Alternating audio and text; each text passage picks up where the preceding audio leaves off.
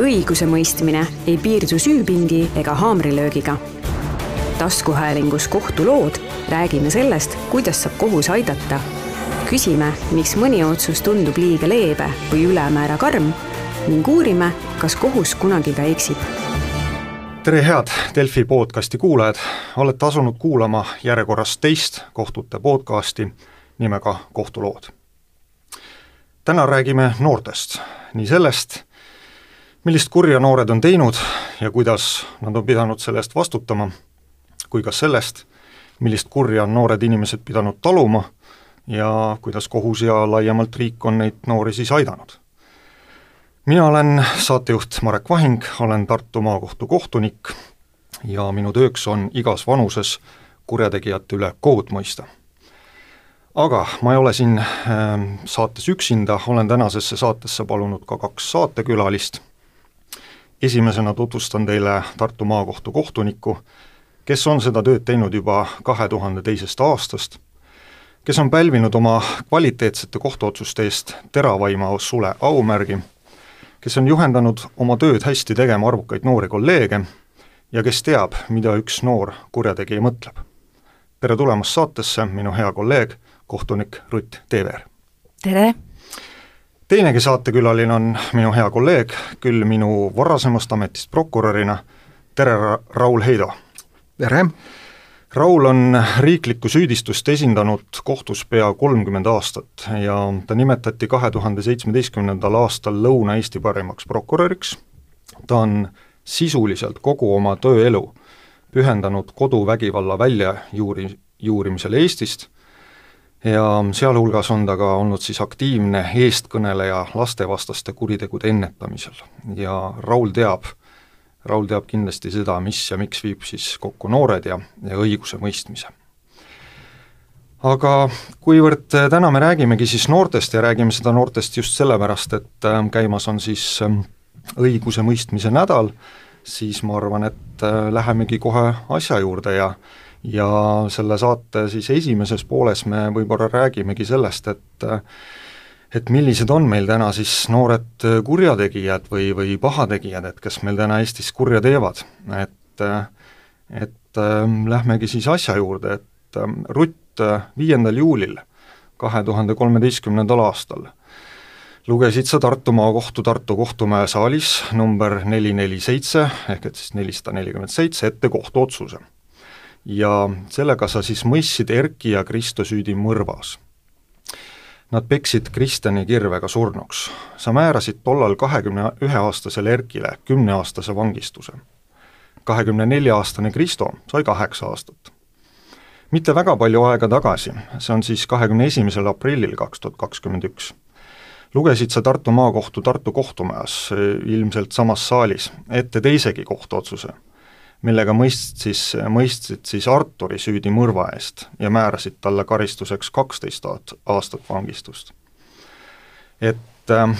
ja sellesama otsusega mõistsid sa veel süüdi ka Karli ja Danieli muuhulgas väljapressimise ja mõrva eest ja määrasid neile kümneaastase vanglakaristuse. Artur oli siis kakskümmend üks, Karl ja Daniel üheksateistaastased no nende kahe võika loo vahele jääb ilmselt veel nii mõndagi koledat, kuid aga siis, kui sa nüüd seda Arturi, Karli ja Danieli siis äh, kohtuotsust kuulutasid, siis samal päeval ilmunud ühes Eesti Päevalehes tsiteeriti sind järgmiselt. sellist mõrva, selliste noorte isikute poolt toime pandud ei kohta kohtusaalis tihti. kohus ei tuvastanud mitte ühtegi asjaolu, mis lubanuks karistuse määramisel minna alla kümne aasta määra Rutt, kas noorus ongi hukas? ilmselgelt noorus ei ole hukas, kuigi nii on juba antiikajast peale kõik vanemad põlvkonnad nooremate kohta öelnud ja ma usun, et, et selliseid julmi kuritegusid on toime pandud ka ennevatel aegadel. Need kaks sinu poolt välja toodud mõrva on ilmselgelt, ongi drastiliselt erinevad meie tavapäratööst, tavapäevatööst, kuid eh, kahjuks peab nentima, et äh, julmus eh, tänases päevas on kohtusaalides üsna domineeriv. see ei pea alati ju lõppema mõrvaga, see tihtipeale põhjustab kannatanutele raskeid vigastusi nii füüsiliselt kui ka hingeliselt. seega hukas ilmselgelt noorus ei ole, aga noorusega tuleks tegeleda, et neid kohtuasju oleks üha vähem ja vähem. aga siit äh, seda sinu otsuseid vaadates, siis ähm, võib-olla tekib ka kohe siit nüüd edasi see küsimus, et et kas siis sellist noort inimest me karistamegi siis sama karmilt kui täisealised, kui nad on tõesti ikkagi midagi väga halba teinud, et? Seadus näeb ette, et äh, isikud, kes on teo toime pannud nooremana kui kaheksateistaastasena, me ei karista äh, sama äh, nii-öelda raske karistusega näiteks selliste mõrvade eest on piirmääraks kümme aastat vangistust ja need noormehed, kellest ennist juttu oli, ju enam-vähem sellised karistused ka said. aga me karistame neid selles mõttes sama rangelt, et äh, nad peavad aru saama, et nad saavad maksimaalse karistuse selliste tegude eest, äh, mida ühiskond äh, mitte kuidagi taluda ei saa, nagu mõrvad, rasked vägistamised ja nii edasi mm. -hmm. et siis ikkagi noor inimene peab, peab aru saama, et, et kui ta midagi väga väga hullu korda saadab, siis ta tegelikult peab vastutama samamoodi nagu ka temast siis vanemad inimesed, et ma olen mõelnud sellele, et tegelikult tuleks seda vastutust hakata õpetama juba lasteaiaeast, et et laps peab tajuma ja noor peab tajuma, et et igal äh, teol, mis on halb tegu, on ka tagajärg ja et meil on elus reeglid. lasteaias on need reeglid lihtsamad ja, ja lapselikud, aga mida vanemaks noor saab, seda rohkem ta peab ta arvestama ühiskonnas kehtivate reeglitega, ka nende reeglitega, mis kehtivad kõigile täiskasvanutele. ja, ja ma kipun arvama, et äh, seoses sellega, et meil räägitakse väga palju laste vabadustest, peaks märksa rohkem rääkima ka nende kohustustest ja ka sellest, et reeglid on selleks, et nendest kinni pidada. Mm. -hmm jah, väga hea, eks tänase saate mõte kindlasti võikski see olla, eks ole, et, et, et sellepärast me ka nii tõsiste teemadega kohe siin selles saates niimoodi kohe esimesest sekundist pihta hakkasime, et tõesti, et noored saaksid aru, et et, et nemad vastutavad ka oma tegude eest, et see alaealisus, kui nad on tõesti väga noored, et, et ka see ei päästa neid, et, et nad peavad sellest aru saama. Ja ma olen kindlasti jah, nõus ka sellega, et et me peame väga varakult hakkama juba oma noortele seda selgitama, et et, et kui julged teha, pead julgema ka vastutada ja, ja ja et see on oluline, et nad mõistaksid, äh, mõistaksid seda, seda vastutust, et aga, aga ma küsiksin võib-olla sinu käest ka nüüd äh, veel seda, et et kuidas üldse, kuidas üldse nagu mõista inimest, mis, äh, kes midagi nii koletut nagu toime paneb, et, et kuidas sa üldse tema üle suudad nagu õigust mõista, et sest noh, ma olen ise nagu mõtestanud sedapidi, et et püüad ikkagi ju inimesest kuidagi aru saada, eks ole et püüad aru saada seda, et miks, miks ta on midagi nii koledat teinud, et aga, aga noh, selliste tegude puhul nagu nagu see, mis me, millest me just rääkisime, et, et siin kaks sõpra peksid teise kirvega surnuks, et kuidas üldse neid, neid mõista, et, et, et miks nad üldse teevad midagi sellist ja, ja kuidas siis üldse neid, neid karistada, et minu arust on sellel mõistmisel kaks tasandit, üks on see, et kas ma mõistan sellise käitumise nii-öelda mm, põhjusi või, või kas ma mõistan seda, mis selleni viis. ja pigem olen ma kohtunikuna endale seadnud eesmärgiks mõista, mis olid need asjaolud, mis viivad ühe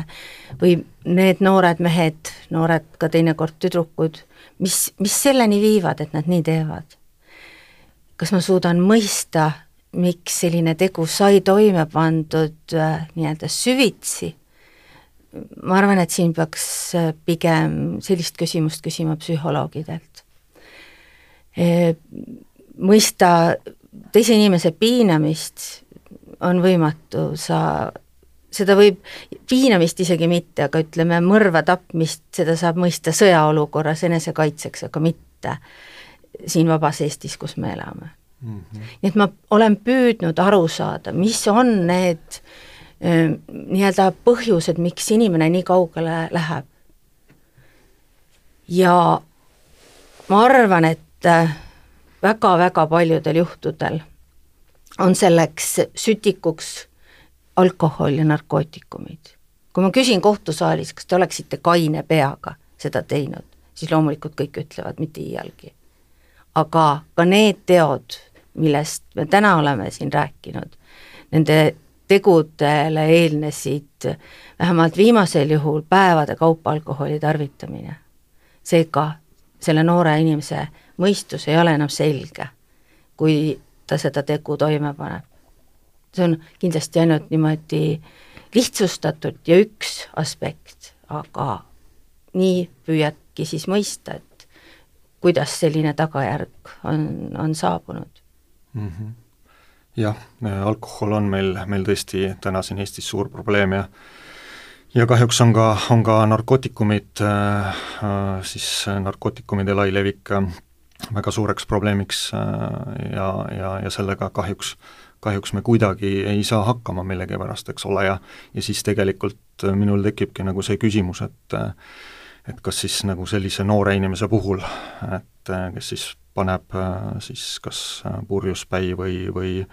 narkojoobes midagi sellist koletut toime, et kas tõesti siis tegelikult mingis mõttes terve ühiskond, eks ju, ei vastuta selle eest, et et me üldse oleme lasknud asjadel nii kaugele minna, et et me ei ole suutnud siis pakkuda noorele sellist elukeskkonda,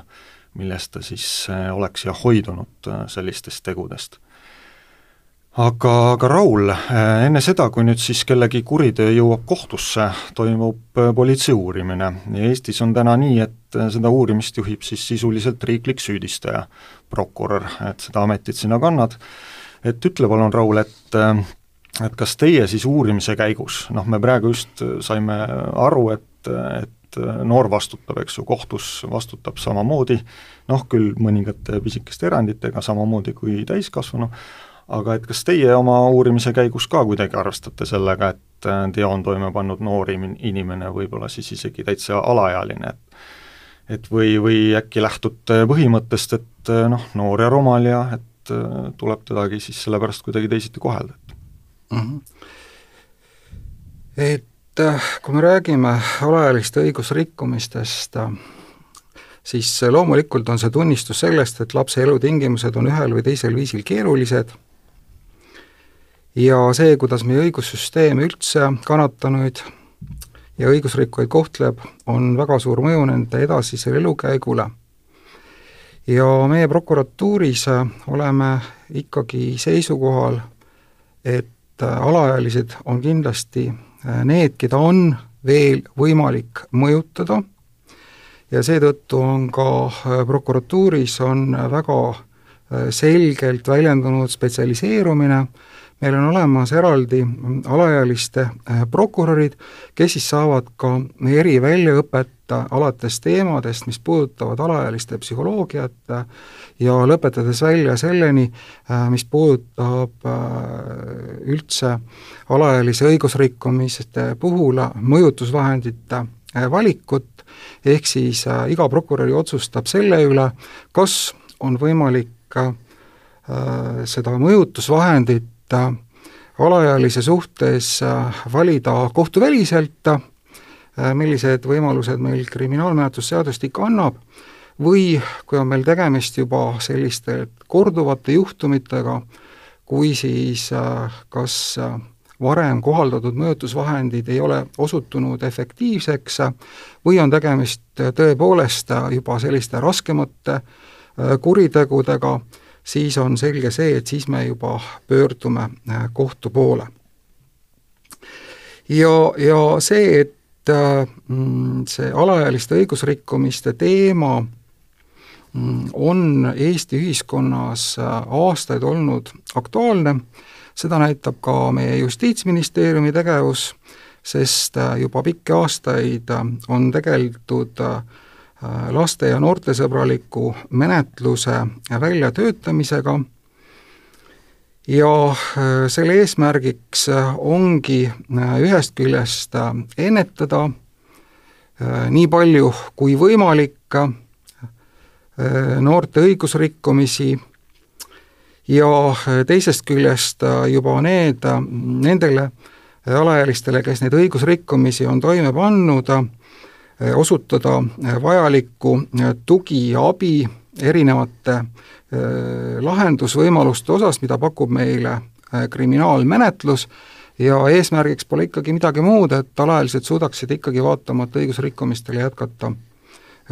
edaspidist elu õiguskuulekalt ega siis satuks vanglale. mõningate, mõningate alaealiste puhul see õnnestub, õnneks on see suurem osa, kuid tõepoolest on meil väga palju neid äh, situatsioone, kus äh, aastatepikkune erinevate spetsialistide koostöös pakutud lahendused ei kanna vilja ja sellistes situatsioonides ei ole muud, kui peame need juhtumid saatma juba kohtule arutamiseks. Ja alaealiste õigusrikkumistel on meil ka teatud põhimõtted, loomulikult väga oluliseks põhimõtteks on meil juhtumite kiire lahendamine, nii kuidas see üldse võimalik on. Siis teatud suunaks on ka mm, eriteadmistega menetlejad, sellega on meil nii, et väga hea olukord on näiteks, no see ei puuduta küll õigusrikkumisi, aga raskete laste vastu suunatud kuritegude menetlemisega, millega on politseis eraldi üksused, see, mis puudutab alaealiste õigusrikkumisi, siis politsei uurijaid küll koolitatakse päris palju, kuid äh, selles osas meil päris, äh, vähemalt Tartumaal meil erimenetlejad ei ole, meie politsei uurijad menetlevad ikkagi äh, erinevaid kriminaalasju ja üks osa on siis nendest alaealiste õigusrikkumised. ja veel on loomulikult, kui me räägime juba alaealiste mm, menetlemisest, me räägime eeluurimisest, siis on väga oluline, on juba kriminaalmenetluse alustamisel välja selgitada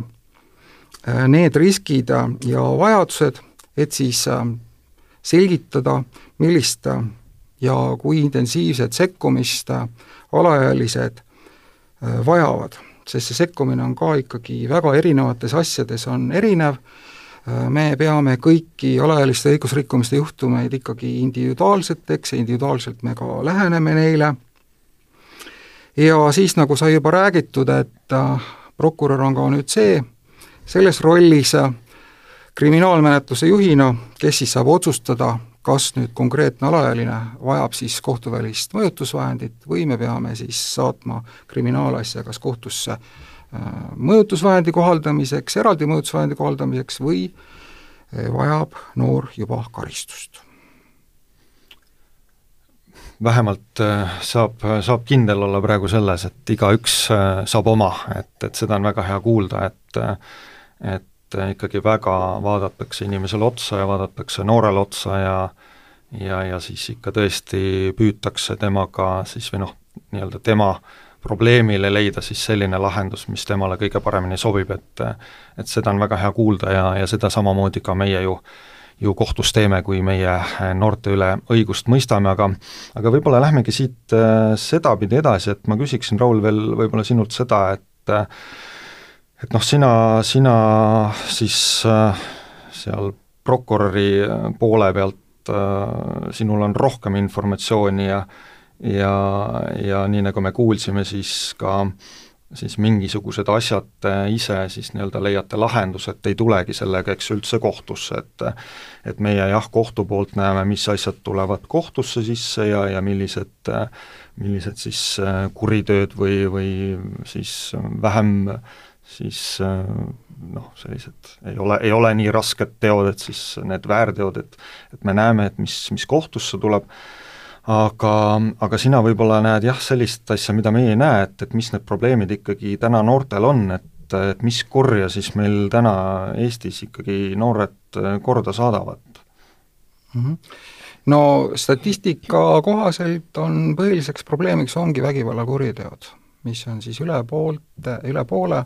alaealiste poolt toime pandud kuritegude ja see osa, mis puudutab nüüd narkootikume, äh, see osa on küll väiksem, aga, aga kindlasti on see väga-väga-väga-väga tõsine probleem. Ja äh, selles osas kindlasti me arvestame ka mm, erinevaid kuriteoliike ka äh, mõjutusvahendi, mõjutusvahendite valikule. Ja lisaks tuleb ütelda seda, et prokurörid ei ole ju ka nende mõjutusvahendite valikul ei ole ka mitte ju üksi,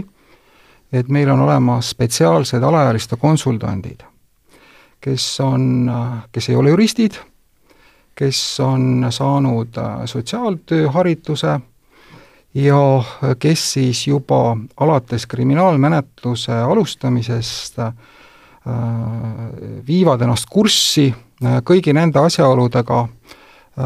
mis puudutab konkreetset alaealist, konkreetseid alaealisi ja nende õigusrikkumisi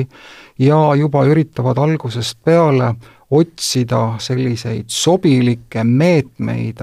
kuidas üks või teine juhtum võiks võimalikult efektiivselt laheneda nüüd meil kriminaalmenetluses ja eesmärgiks ikkagi see uute kuritegude toimepanemise vältimine mm. -hmm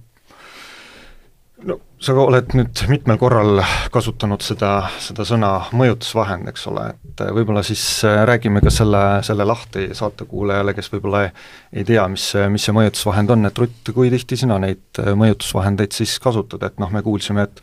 prokurörid siin ikka jälle seda teevad, et, et mida, mida kohus kasutab, mis on need mõjutusvahendid, mis see mõjutusvahend üldse on, eks ole, et, et me rääg-, oleme rääkinud siin karistusest, me alustasime saadet siin vangistusega, eks ole, et seda ilmselt kõik saavad aru, et inimene peab mingid aastad vanglas viibima, noh, tal on küll, kui ta on väga hästi seal vanglas käitub, tal on võimalus sealt äh, enne tähtaega välja saada, aga, aga mis asi see siis mõjutamine on, mis, mis, mida siis kasutatakse? mõjutamist äh, saab mõista nii, et kohus ütlebki, et karistamine pole vajalik, aga mõjutame. mõjutamine on kohtus kahel moel, kriminaalmenetluses ja väärteomenetluses. väärteomenetluses sellist tõepoolest, nagu sa ütlesid,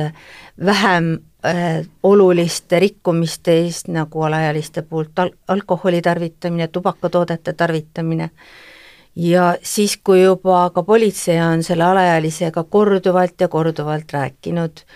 ja ta näeb, et mitte midagi muud ei aita, pöördub politsei väärteoasjades ka kohtu poole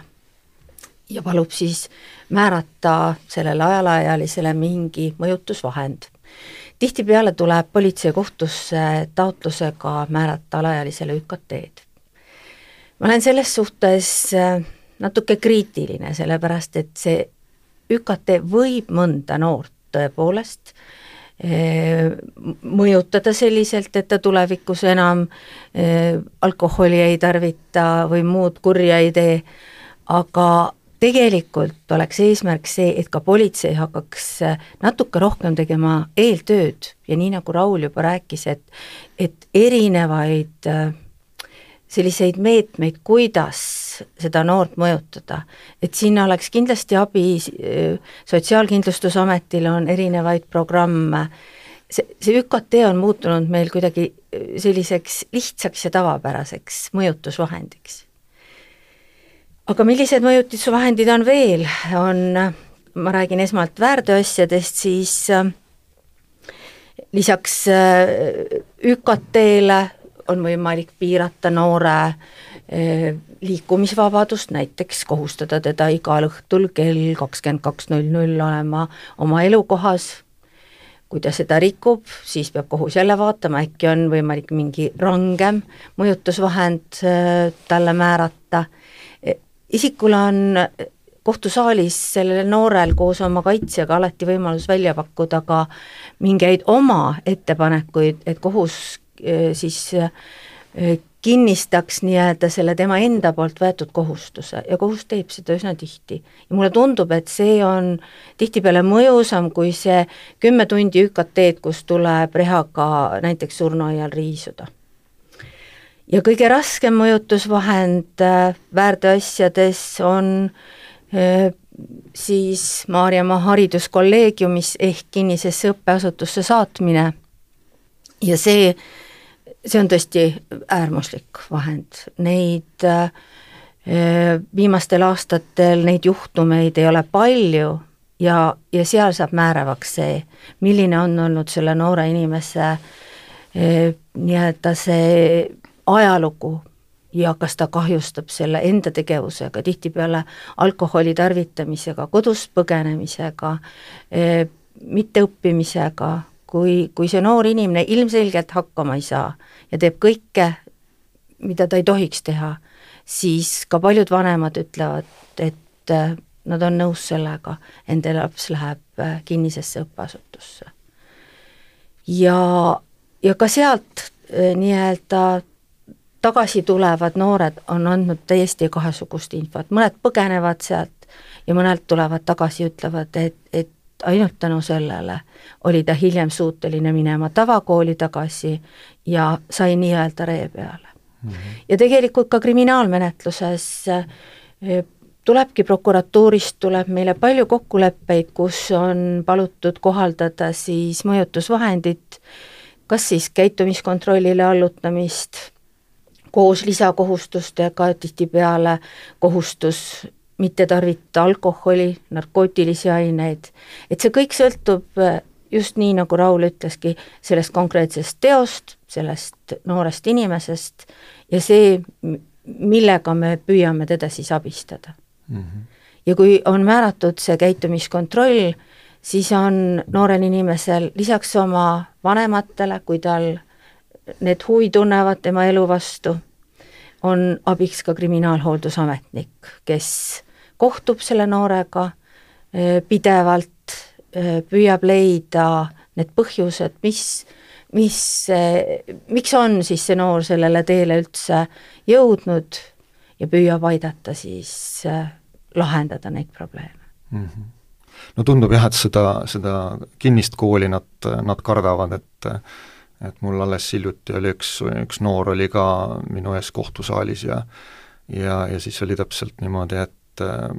palun ainult mitte sinna kinnisesse kooli, aga, aga ma olen sinuga nõus jah, et see ÜKT ehk et siis ühiskondlik kasulik töö, et et see jah, kuidagi on äkki natukene devalveerunud, eks ole, et et see, see on neile liiga lihtne, et, et nad ei pruugi tunnetada ära sealt seda, et, et nad tegelikult vastutavad ikkagi selle eest, mis nad on, on teinud, et et jah, et aga, aga noh, midagi pole teha, kõiki sinna kooli saata ei saa, ja noh, muidugi hea on kuulda seda, et sa ütled, et et on inimesi, eks ju, on lapsi või noori, kes sealt tulevad ja, ja mingis mõttes tänavad. eks ju, et eks noh, et, et nad sinna sattusid ja et nad said oma elu korda, et et eks see, see ju noh, see ongi see, miks me seda teeme, et mitte, mitte mingil muul põhjusel. jaa, tulevad ka vangist välja noored inimesed, kes ennetähtaegse vabastamise istungil eh, ütlevad, et eh, te mõistsite mulle õiglase karistuse ja mm -hmm. ma mõistan seda. Eh, need on tõenäoliselt üksikud näited, enamasti ei taheta mõista seda, aga mm, -hmm. aga neid näiteid on ja ma olen jälginud nende noorte inimeste edasist elukäiku, sest me kohtu infosüsteemist ju näeme, kas ta on sinna jälle sisse kantud või mitte. Ja ma pean tunnistama, et terve hulk selliseid küllaltki raske kuriteo toime pannud äh, noori hiljem enam meie registrites ei kajastu. Seda on väga, väga hea kuulda, et siis järelikult see karistus ikkagi mõjub, et eks ju palju on räägitud sellest, et, et et äh, kui palju üldse see vanglakaristus tegelikult, eks ju, inimest ümber, ümber kasvatab, et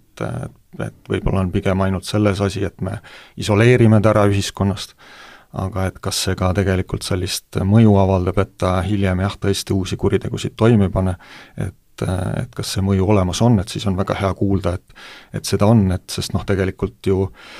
noh, ongi, ongi küsimus sellest, et, et kas üldse peab noort inimest karistama ja, ja või, või peakski teda siis ja kui kaua siis peaks teda nii-öelda poputama, et enne, kui siis ta tõesti vanglasse saata, et et aga, aga võib-olla veel selline, sellistest tehnilisematest asjadest äkki räägiksime ka, et, et et noh, kuna me oleme siin kasutanud erinevaid mõisteid, nagu siis äh, nii-öelda kontrollnõuded ja ja et siis, siis võib-olla räägiksime ka sellest, et äh, mis need kontrollnõuded on ja kes see kriminaalhooldaja on, kellega siis äh, noor inimene peab, peab siis mingi aja väga tihedalt suhtlema, et, et et mis, mis inimene see kriminaalhooldaja on? kriminaalhooldaja on, on ametnik, kellele siis ülesandeks on kontrollida seda, mida kohus on oma otsuses äh, nii-öelda kohustanud. ja, ja on olemas kuus sellist klassikalist kontrollnõuet, mis seisnevad siis laias laastus selles, et äh, isik peab elama seal, kuhu kohus on määranud ta elama, äh, ta peab andma oma kriminaalhooldajale aru sellest, kus ta õpib, töötab,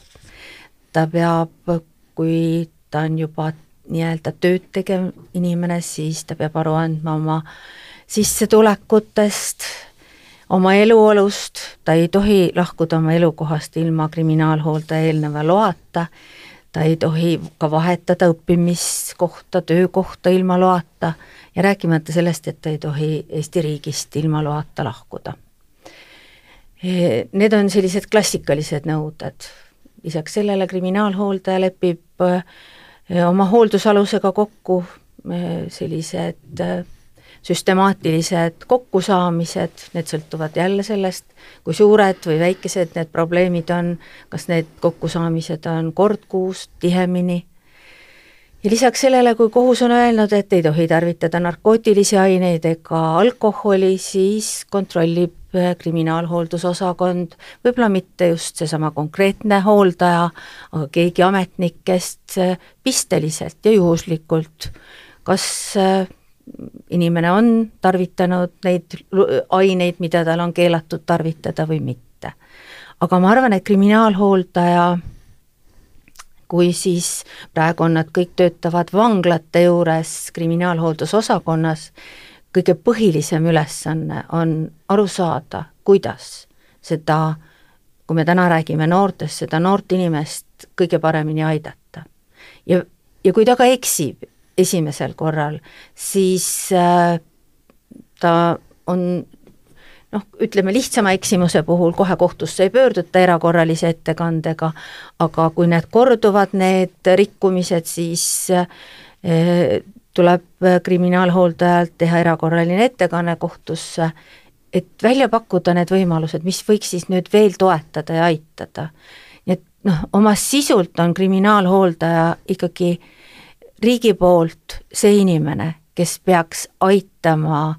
hoida seda inimest nii-öelda õigel teel ja märkama, kui midagi läheb valesti, mida võiks veel teha ja siis pöörduma kohtu poole ka vastavasisulise taotluse või palvega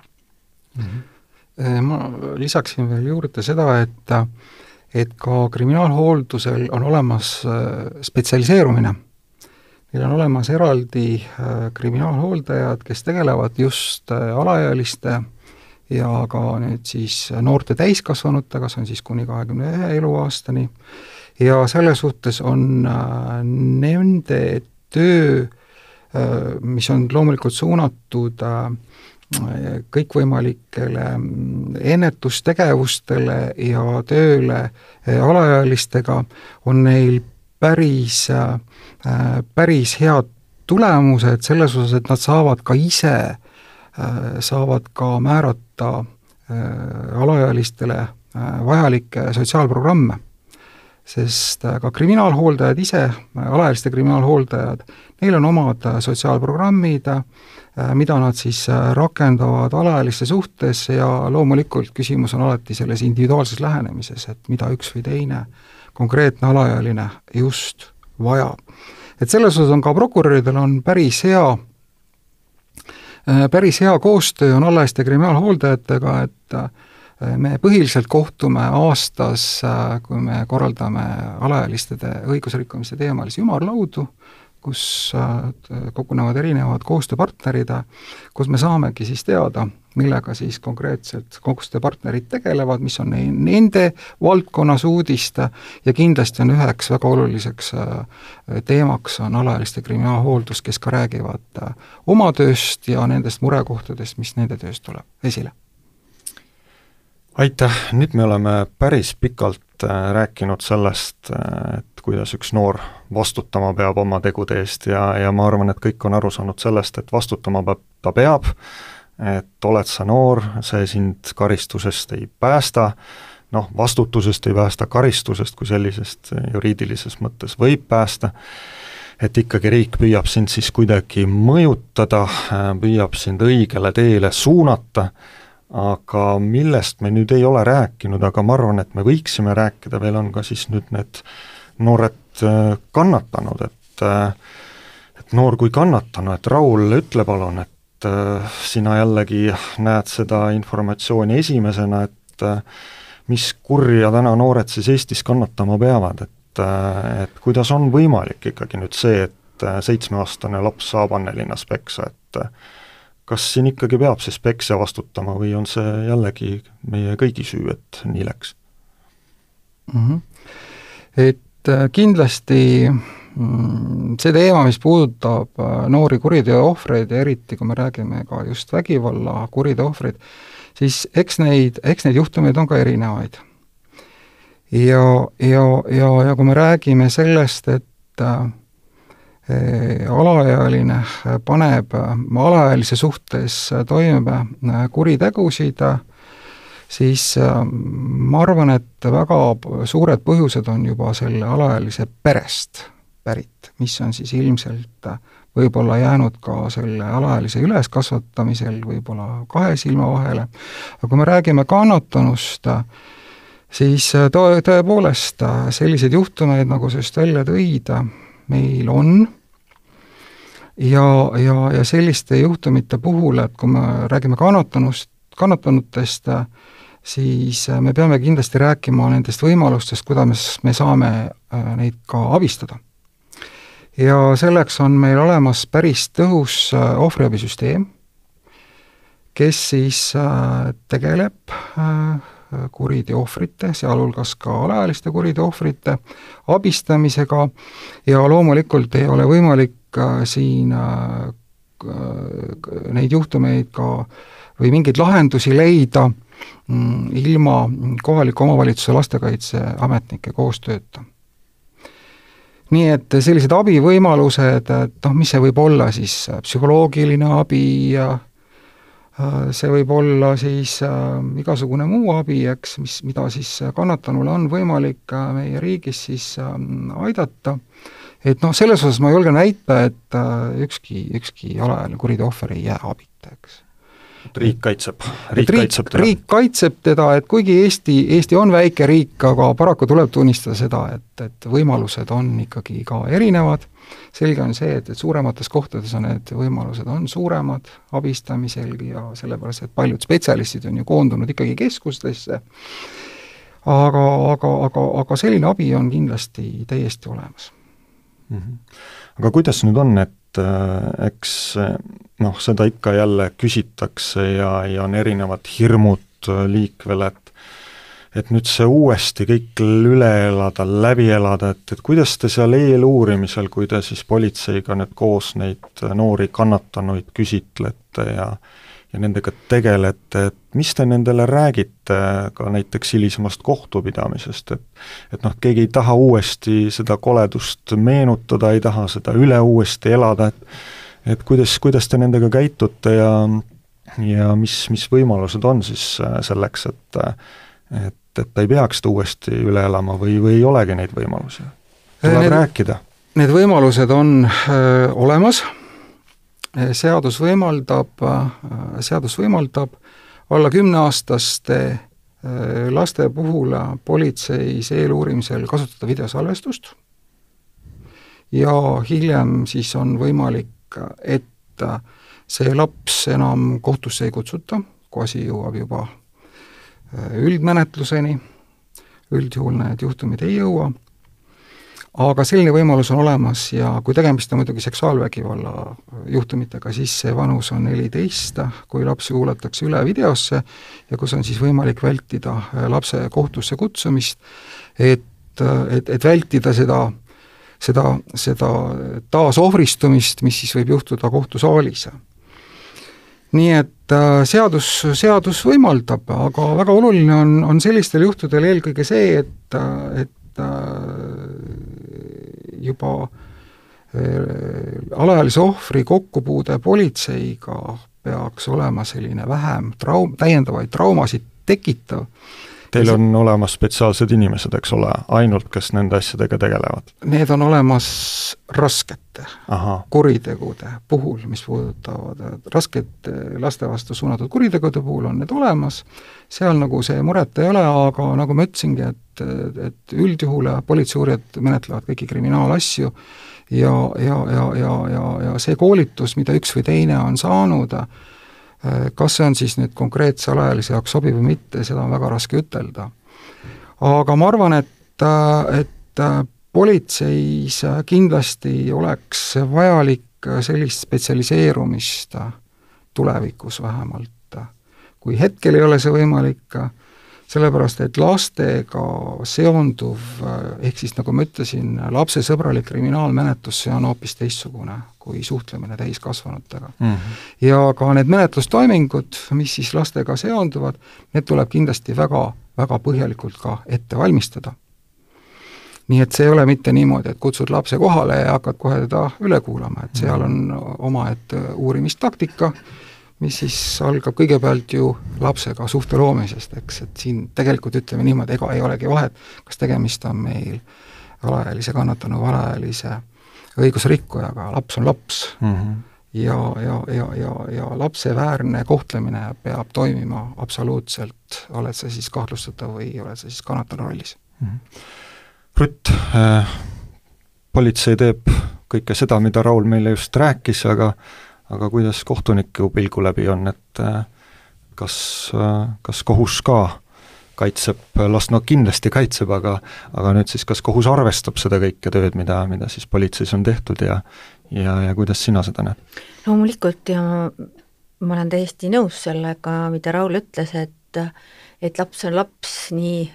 selles rollis, kui ta kurja teeb, kui ka selles rollis, kui ta kannatab ja, ja tegelikult ka see, kes on kurja teinud, sellele tuleb samamoodi kohtusaalis väga lihtsalt eh, selgeks teha, millised on ta õigused, millised on ta kohustused, mis siin üldse toimuma hakkab. ja täpselt samasugust tähelepanu vajab ka kannatanu, et ta mõistaks, et, et talle saaks rahulikult räägitud, mida meie temalt ootame ja, ja paraku, kui me oleme ta sunnitud kohtusse kutsuma, ja eriti näiteks, kui on tegemist seksuaalkuriteoga, siis ta on ju äärmiselt keerulises olukorras. E, minu viimane näide oli näiteks see, et äh, mitte täisealine tütarlaps peab kohtusaalis olema koos oma isaga, aga isa on barjääri taga süüdistatava pingis. kuidas seda noort tüdrukut siis kaitsta? E, meil on võimalus seada sirm vahele, et puuduks äh, silmside, sellepärast et et tihti on palju lihtsam rääkida kuskile näiteks kohtuniku poole, mitte vaadata otsa oma lihasele isale. ja me kasutame seda võimalust.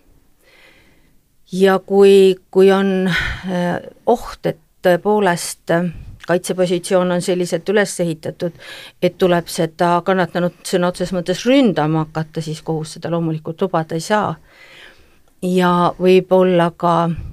selline kannatanu küsitlemine, et kannatanu viibibki hoopis teises kohtusaalis ja süüdistatav koos oma kaitsjaga on teises kohtusaalis. et, et me loome mitte ainult selle visuaalse barjääri, vaid tõesti erinevates ruumides, see sõltub kõik jälle asjaoludest. aga kannatanul peab olema kohtusaalis võimalikult, ma rõhutan sõna võimalikult, sest ta on pinges seal niikuinii, pingevaba võimalus rääkida seda, mida tema on siis tajunud ja, ja mida meie temalt teada tahame. ja me saame seda teha läbi selle, et sa ise kohtunikuna püüad suhelda temaga eh, võib-olla natuke lihtsamas keeles ja lihtsamas vormis, kui ma seda täiskasvanutega teeksin. ja, ja luua seda õhkkonda ja sellele aitavad prokurörid väga palju kaasa. et, et see oleks vähemalt selle konkreetse alaealise kannatanu küsitlemine, oleks talle võimalikult pingevaba. Aga, aga tihtipeale tuleb teha ka vaheaegu, sellepärast et pisarad voolavad silmi ja, ja sa näed, et, et see noor inimene on katkemas ja ta ei suuda enam ütlusi anda, aga meil on iga tema sõna oluline. jah, tõesti, meil on iga, iga tema sõna oluline ja, ja, ja selles mõttes ongi, tuleb äh, tuleb neile öelda selles mõttes noh, tunnustada nend-, neid, neid selle julguse eest, et nad tulevad ja, ja nad räägivad, et mis nendega on tehtud ja mida nad on pidanud kannatama, sest noh, midagi ei ole teha, eks ole, teistmoodi me lihtsalt ei saa. et meie ju peame oma otsused langetama selle pinnalt, mida, mida nad meile räägivad, ja, ja kui nad siis ei ole valmis meile rääkima, siis kahjuks võibki see, eks ju, see ebaõiglus ja, ja see kõik kuhugi peitu jääda, see ei tulegi välja ja, ja selles mõttes jah, tuleb neid tunnustada, et nad ka pärast pikki aastaid kestnud, eks ju, kannatusi, hirmutunnet ikkagi tulevad ja, ja räägivad ära. jaa, Raul? et äh, no kohtumenetlusele eelneb loomulikult äh, sellistes, äh, sellistes tundlikes asjades, millest just Rott rääkis, ka, ka aktiivne prokuröri tegevus. sellepärast, et kui nüüd prokurör on saatnud selle, selle, selle kriminaalasja kohtusse, siis selge on see, et see ei ole niimoodi, et äh, saadame äh, alaealisele kannatanule kutse, et ta peab ilmuma selleks ja selleks kuupäevaks kohtusaali ja hakkamegi siis seda nüüd siis niimoodi siis nagu arutama, et et esiteks on meil olemas Justiitsministeeriumi poolt välja töötatud spetsiaalsed bukletid, mis kannavad siis nimetust laps kui kannatanu, laps kui süüdistatav ja noh, selge on see, et see on sobilik mitte, mitte kõikidele vanuserühmadele, kui me räägime alaealistest, vaid võib-olla sellistele noh, ütleme kümme kuni noh, neliteist, ja, ja, ja sellele eelneb loomulikult ka see, et me üritame äh, neid pingeid maandada juba sellega, et enne kohtuistungit saame selle alaealisega kokku, äh, üritame välja selgitada, et kes teda saadab kohtuistungil, kellega ta tunneb võimalikult turvaliselt, et siin on ka variante, on erinevaid. et kes soovib ema, kes soovib sõbrannasid ja, ja nii edasi ja nii edasi, et siin ju tegelikult seadus ju piire ei pane. see on nüüd üks asi ja teine asi on ka see, et äh, kui meil on ikkagi teada, millises kohtusaalis see kohtuistung toimub, siis äh, vaatamata sellele, et, et kas see kas see kohtupidamine on siis äh, nüüd selle äh, kannatanu jaoks on nüüd konkreetses saalis, peab ta viibima või on ta kuskil mujal, ikkagi me näitame kohtusaali, kus me siis räägime ka sellest, et kus siis istub siis kohtunik või kohtunikud, kus siis on prokurör, ühesõnaga üritame võimalikult lapseväärselt selgitada, kes on kes ja milliseid ülesandeid ta nüüd selles kohtupidamises teeb väga tänuväärt, väga tänuväärt äh, tegevus ja, ja mina seda kõrgelt hindan, sest äh, sest mulle kohtunikuna väga meeldib, kui, kui on äh, inimesed hästi ette valmistatud, kes kohtusaali tulevad. Eks meil jätkuks seda juttu kauemaks, tundub, heade kolleegidega ikka on hea rääkida, kuid meie saateaeg hakkab nüüd otsa saama, et eks veel siin võib-olla viimasena sellised ähm, kuulaja küsimused, et, et et noh, midagi pole teha, üks, üks teema tuleb ikkagi meil siin saate lõpus veel ära, ära arutada, et et kas ikkagi last tohib tutistada või talle vitsa anda või tuleb siis kohe vangi minna, et äh, Rahul, mis on sinu, sinu arvamused? No paraku, paraku seadus ütleb meile, et äh, igasugune valu tundmine on meil kehaline väärkohtlemine, aga selge on see, et tuleb nagu ka sellele teemale läheneda ka ikkagi nagu mõistusega. Ja, ja selles osas on meil ka abiline on ka, ka lastekaitseseadus, kus siis on ju täpselt kirjas, millistel juhtumitel võib laste, lapse suhtes jõudu kasutada ja, ja, ja, ja kindlasti ei saa see olla karistuse, karistusena. Ja, ja siin noh, alati olen ma seda näidet toonud, et, et kui laps on kuskil mänguasjapoes ja, ja, ja ei saa nüüd seda, mida tal ema või isa nüüd äh, peaks ostma ja viskab pikali ja ja nüüd siis lapsevanem on siis tähelepanu keskpunktis, ta ei tea, mida teha ja kui nüüd siis lapsevanem haarab selle lapse ja siis äh, sülle ja läheb välja, et selge on see, et siin ei ole tegemist äh, kehalise väärkohtlemisega. nii et igasugune tutistamine kindlasti ei ole aga kui me räägime mm, kui, kui me rää-, tähendab, me peame tegema vahet selles, kas tegemist on valede kasvatusvõtetega või tegemist on väärkohtlemisega mm. -hmm kui meil on tegemist valede mm, kasvatusvõtetega, mis on korduvad, siis kahjuks me peame alustama kriminaalmenetlust, aga kriminaalmenetluse käigus me selgitame ikkagi välja, et äh, millist abi vajab siis eelkõige see lapsevanem ja kuna meil on olemas sellised vanemlusprogrammid, siis ma arvan, et äh, meil on võimalik äh, kriminaalmenetlus lõpetada ja kohaldada siis mõjundusvahendina ka selle lapsevanema suhtes äh, vanemlusprogramme, et selliseid asju edaspidi ei juhtuks. Rutt, sina oled mõne no nokitsameheski on ju öeldud, et head lapsed kasvavad litsata rohkem aitab või enam aitab arm kui hirm. Ja, ja üks tegelikult oluline teema, mis jäi täna rääkimata ja mida võib-olla oleks täiesti erisaate jagu, on see, et kust, kust algab vägivald. vägivald algab kindlasti kodust, ühiskonnast. kahjuks meie riik ei ole praegu, arvestades seda, mis siin toimub juba kõrgemal tasemel, ei saa kuidagi eeskujuks olla ja ja miks ta hakkab kodust, sest vanemad ei suuda ise oma probleemidega hakkama saada. Nad ei, nad on närvilised, see kandub üle lastele ja, ja tegelikult oli väga õige see, mida Raul ütles, et, et tuleb leida võib-olla kõigepealt abi nendele vanematele. tutistamisega on ju lood nii, et, et kui mina väike olin, siis tutistati küll ja vits oli ka kapi otsas palju seda vitsa kasutati, on iseasi, aga aga tänapäeval ja tänapäevaste teadmiste juures me võiksime ikkagi suuta iseendid nii-öelda eh, hoida sellises äh, konditsioonis, et äh, me suudame vähemalt lastega suhelda ilma karjuva kõneviisita ja ilma löögivalmis käeta seega tegeleda tuleb esmalt meil endiga, iseendaga. Jah, sest vägivald on nakkav. jah. ma tänan teid tulemast saatesse, minul oli väga huvitav teiega ja, ja ma loodan, et siiski me nii-öelda käisime üle teemad, mis, mis on aktuaalsed meil täna ühiskonnas, millest, millest tuleb rääkida, et ja ja, ja mis, mis peaksid teadma ole, teada olema siis äh, nii noortele saatekuulajatele kui ka siis nende vanematele, et, et kuidas siis ikkagi noort äh, täna siis Eesti kohtusüsteem ja ja ka Eesti siis äh, õigussüsteem laiemalt siis, siis kuidas temaga käitub aga selge, oleme jõudnud oma saate lõpuni ja, ja kui on siis saate ku-,